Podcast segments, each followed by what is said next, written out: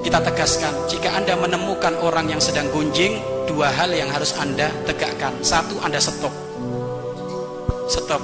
Ini majelis apa kok gunjing orang? Stop berhenti. Kalau anda nggak bisa nyetop anda keluar dari tempat itu. Majelis kalau ada pergunjingan percuma. Dua jam tiga jam sampai ustadznya ngomongnya sampai berbusa-busa percuma nggak ada keberkahan. Kenapa? Karena ada pelanggaran pergunjingan di situ. Makanya kalau kan mau gunjing dua hal. Ya di stop punten ibu-ibu yang cantik-cantik gak usah lah ngomongin orang. Ayo diam ayo diam diam diam. Malah paling enak ngerujak ini nah, makan makan cabai itu paling enak bapak ibu ya kan? Makan makan apa? Makan apa? Makan mangga itu malah lebih enak daripada gunjing oh gunjing orang bapak ibu. Tapi memang subhanallah bapak ibu. Sampai disebutkan orang itu kalau gunjing bapak ibu sampai disebutkan orang itu kalau gunjing orang itu setan itu apa? Ngambil madu ditaplokin ke mulutnya ke mulutnya orang yang gunjing madu itu plek. Sehingga nggak capek-capek. Satu jam dua jam kelewat terus gitu pak.